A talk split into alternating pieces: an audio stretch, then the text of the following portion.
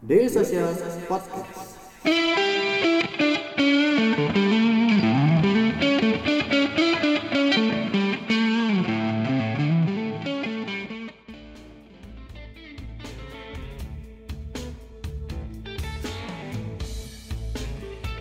Dari Kemang Selatan, 1D nomor 2 Daily Social HQ bertemu lagi di ngobrolin sarapnya Daily Social Podcast, teman-teman. Mungkin kalau teman-teman udah ngedenger opening saya yang seperti itu, teman-teman udah siap ngedengerin episode terbaru dari ngobrolin startup. Kebetulan di episode 65 ini, kita udah kedatangan speaker yang spesial juga. Kebetulan beliau juga datang untuk mengisi sesi Selasa Startupnya yang kebetulan hari ini kita didukung oleh HP Indonesia dan beliau juga sebelum mengisi sesi Selasa Startup ini kita ajak ajak dulu buat ngobrolin startup di Daily Social Podcast gitu. Beliau adalah Mas Adrian A. Gunadi. Beliau adalah CEO dan co-foundernya of Investri. Betul ya Mas ya? Ya. Apa kabar Mas? Baik, baik, Oke. baik. Nah Mas, Alhamdulillah, terima kasih nih udah Oh, iya. bisa sharing nih. sama-sama terima kasih juga Mas udah mau diculik dulu nih buat ngobrolin startup gitu. Nah Mas, mungkin sudah sudah banyak yang tahu juga dan mungkin beberapa orang ada yang belum tahu juga nih mungkin tentang apa sih Investri gitu mungkin atau siapa sih Investri itu gitu. Ya. Mungkin boleh di- diperkenalkan dulu mungkin oleh Oke. Mas sendiri apa sih Investri itu Mas? Oke, Investri kami adalah mungkin pionir Hmm. eh, dan juga leading Hmm. B2B marketplace Oke. lending di Indonesia. Oke. Dan juga sekarang di Thailand dan Filipina. Oke. Jadi sekarang kita udah hadir di eh, tiga negara, tidak Hmm, hanya di Indonesia. Jadi kita bicara we are a eh, regional player, Oke. khususnya di bidang B2B marketplace lending. Oke. Jadi memang kalau kita bicara B2B segmen eh, peminjam kita, jadi kita sebagai sebuah marketplace, kita sebuah platform yang mempertemukan antara peminjam dalam hal ini adalah para UKM, usaha kecil menengah, Oke. eh, khususnya untuk pembiayaan modal kerja eh, dengan jenis supply chain financing yang kita pertemukan dengan para eh, lenders dalam hal ini bisa institusi atau bisa juga dengan para individu. Oke. Berarti sekarang sudah tidak hanya di Indonesia ya, sudah ekspansi ke Thailand dan Filipina. Filipina. Ya. Kapan ekspansi lagi ke negara lain? Saya rasa saya rasa dengan kita fokus ke tiga negara itu aja udah dua per tiga dari eh, Southeast Asian economy Iya, ya. betul. Jadi ya itu PR yang yang masih besar lah gitu Oke. ya. Jadi fokus kita sampai dengan 20 dua- 2020 ini adalah untuk kete- pengembangan eh, di tiga negara tadi ya pastinya di Indonesia adalah bagaimana kita eh, terus mempertahankan eh, market positioning dan market share kita khususnya untuk eh, di bidang eh, supply chain financing untuk UKM. Oke, Ya, berarti kalau di dua negara tadi adalah tahap pengembangan ya karena baru kita launch eh, di akhir eh, 2019 dan awal 2020 jadi masih tahap pengembangan gitu ya. Um, tapi kita melihat kehadiran Investri adalah untuk memberikan solusi tidak hanya di Indonesia ternyata problem akses pembiayaan kepada UKM baik itu di Filipina, baik itu di Thailand itu sama ternyata. Mereka mencari alternatif di luar daripada bank untuk pembiayaan modal kerja uh, yang bersifat jangka pendek. Oke, berarti untuk di Thailand dan Filipina itu baru launching di akhir tahun kemarin ya Mas Ya, ya, 2019 dan Ya. 2020 ini ingin fokus dulu menguatkan di tiga negara ini Ya, gitu ya. ya. Oh, Oke. Nah, Mas, mungkin kita langsung aja Ya. karena eh, ini juga topik ini berhubungan juga dengan topik eh, Selasa Startupnya yang didukung oleh HP Indonesia gitu. Kita bakal ngebahas tentang customer life value, Mas. Hmm. Nah, mungkin belum banyak juga yang tahu apa sih, Mas? Hmm. Apa yang dimaksud dengan customer life va- value itu? Ya, sebenarnya yang yang kalau bicara secara eh, teori ya, definisi dari customer lifetime value adalah sebenarnya pendapatan yang diperoleh oleh sebuah startup dari suatu customer selama customer tadi bertransaksi melalui startup atau platform tersebut. Oke. Ya, jadi kita melihat kalau customer itu bertransaksi satu tahun ya berarti eh, pendapatan eh, selama satu tahun itulah menjadi CL, CLV dia, customer Oke. lifetime value. Hmm, hmm. Um, ini eh, menjadi penting untuk diukur karena tentunya harapannya CLV-nya itu bisa makin panjang ya karena setiap periode secara konsisten selama misalnya 12 bulan, 24 bulan customer tersebut mendatangkan pendapatan bagi si eh, startup gitu ya. Um, sehingga ini yang harus diukur tentunya adalah untuk mengoptimalisasi biaya akuisisi dari customer tersebut. Di mana harapannya dengan biaya akuisisi yang minimum, customer lifetime value-nya bisa panjang. Nah, itu. Secara secara prinsip Hmm, yang seperti itu. ideal seperti itu. Hmm.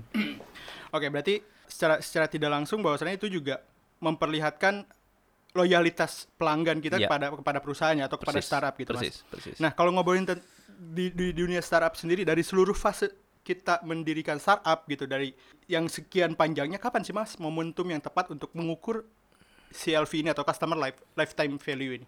Em, secara prinsip memang eh, kalau kita bicara adalah pada saat si startup tadi sudah mulai ada pendapatan atau mulai ada revenue ya idealnya dari situlah mulai diukur eh, pendekatan-pendekatan terkait dengan customer lifetime value.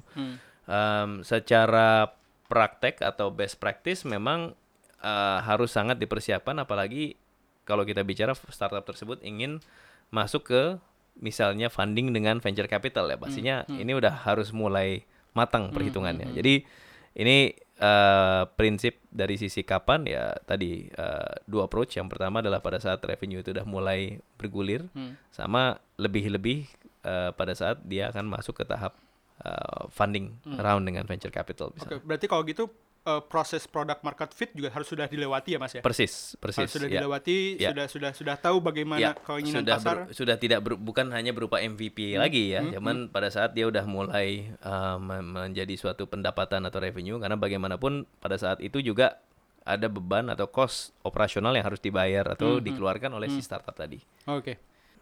Mungkin ada, ada juga yang yang menjadi pertanyaan, kenapa sih Mas startup khususnya ya startup perlu mengukur usia dari konsumen tersebut? Hmm.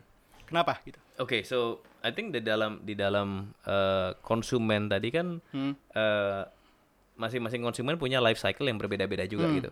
Ya sehingga kita perlu mengukur uh, kapan kita harus tadi tanda petik menawarkan uh, memberikan service layanan untuk Hmm. mempertahankan usia dari si customer tersebut. Hmm. Harapannya adalah dia bisa terus uh, bertransaksi Hmm. uh, melalui si startup atau platform tersebut itu menjadi salah satu ideal situation. Nah, ini yang harus diukur Hmm. sehingga tentunya uh, startup tadi harus mengetahui berapa sih usia atau berapa lama sih Hmm. customer itu akan terus loyal bertransaksi dengan platform tersebut.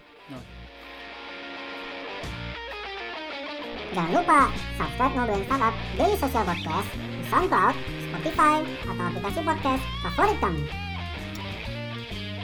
Nah, dari tadi kan kita ngomongin startup, startup. Hmm. Nah, sekarang saya pengen tahu nih dari pengalaman Mas sendiri selama eh, membangun atau memimpin Investri ini sendiri.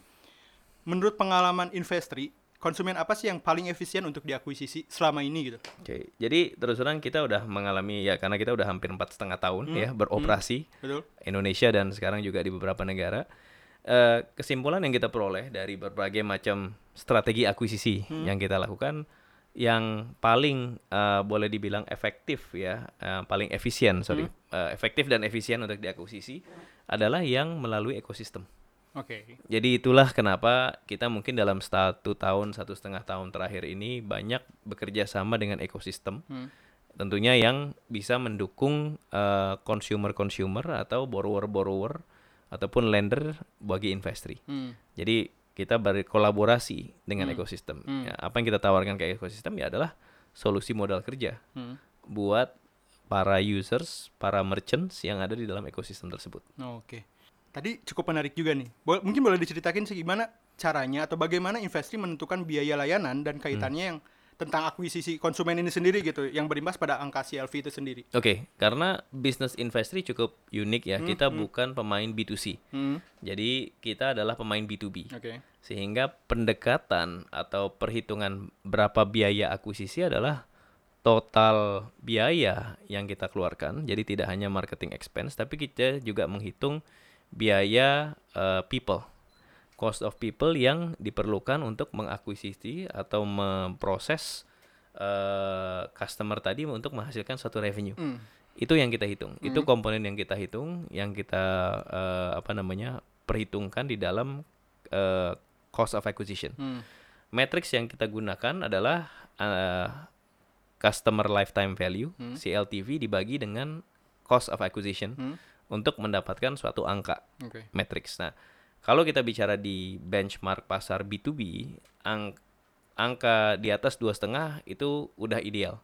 Hmm. Berarti semakin besar di atas dua setengah itu semakin superior. Hmm. Nah ini yang kita jadikan sebagai benchmark. Kebetulan angka yang investasi sekarang kurang lebih ada di empat kali, which is ya berarti juga ya. lumayan Iya, karena ya lumayan. tadi kita bermain di ekosistem, Mhm. kita tidak banyak tanda petik keluarin biaya akuisisi buat marketing terutama social media ads dan sebagainya karena customernya sendiri akan datang melalui ekosistem tersebut. Hmm, hmm.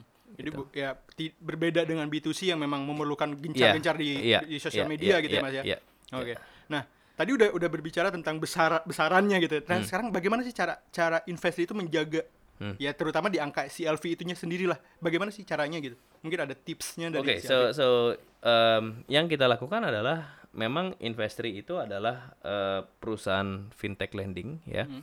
Jadi uh, pasti itu menjadi produk utama kami. Hmm. Tapi kita melihat bahwa di dalam lending tersebut ada banyak turunan-turunan jenis pembiayaan untuk modal kerjanya. Betul. Jadi kalau kita tadi mulai dengan eh, misalnya produk eh, invoice financing kita, kemudian satu UKM yang sama akan kita eh, offer produk yang bersifat mungkin modal kerja lebih jangka panjang. Hmm. Kita bangun fitur atau service atau produk di atas dari satu customer tersebut akan tentunya meningkatkan customer lifetime value tadi karena pendapatan yang diperoleh dari si satu customer itu makin banyak. Hmm. Jadi dengan semakin banyak kita menawarkan produk layanan dan semakin dia menggunakan platform tersebut untuk produk tersebut ya pastinya CLV-nya akan meningkat. Oke, berarti dengan terus menawarkan produk-produk terbaru mungkin ya seperti itu ya. Yes, yes. Oke. Itu itu kenapa dari sisi kita juga salah satu statistik yang saya bisa sharing adalah repeat rate atau retention rate kita sebutnya dari customer di investasi rata-rata di 75%.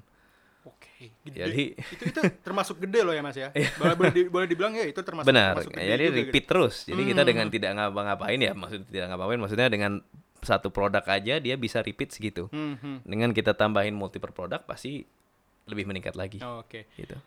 Wah, ternyata banyak juga ya. ya. Kita udah banyak juga obrolan.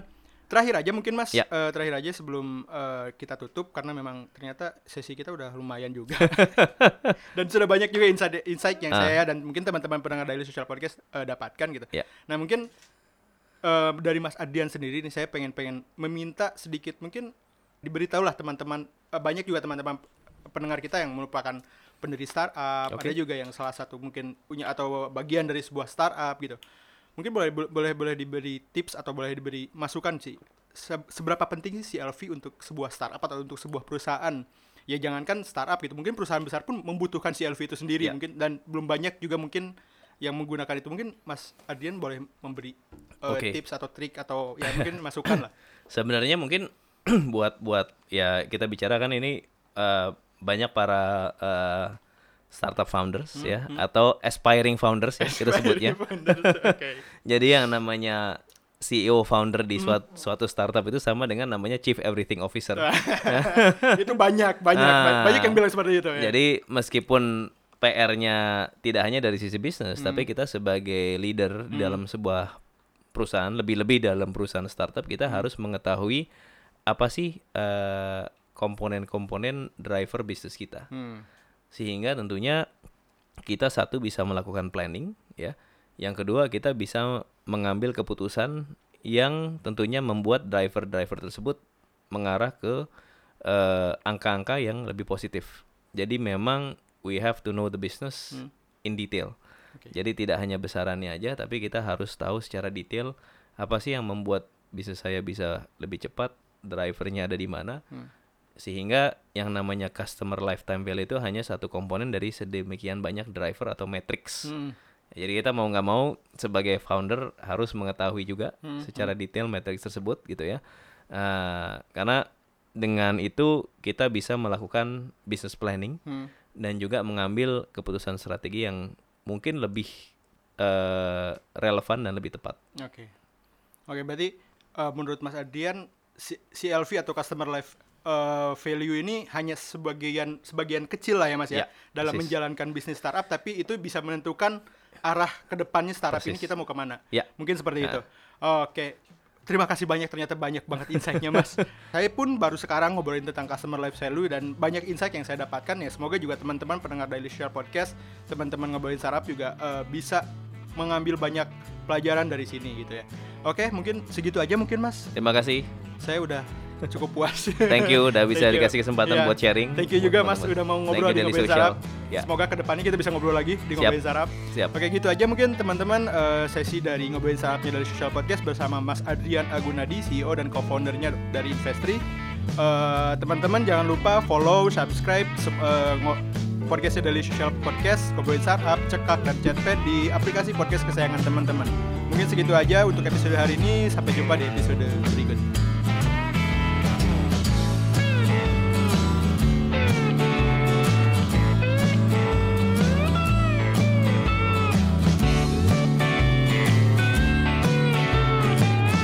Terus keep in touch bersama kita di dailysocial.id untuk website kita. Di Facebook kita ada dailysocial.id, di Twitter kita ada @dailysocial dan di Instagram kita ada @dailysocial.id. Di LinkedIn kita ada Daily Social dan di YouTube kita ada Daily Social.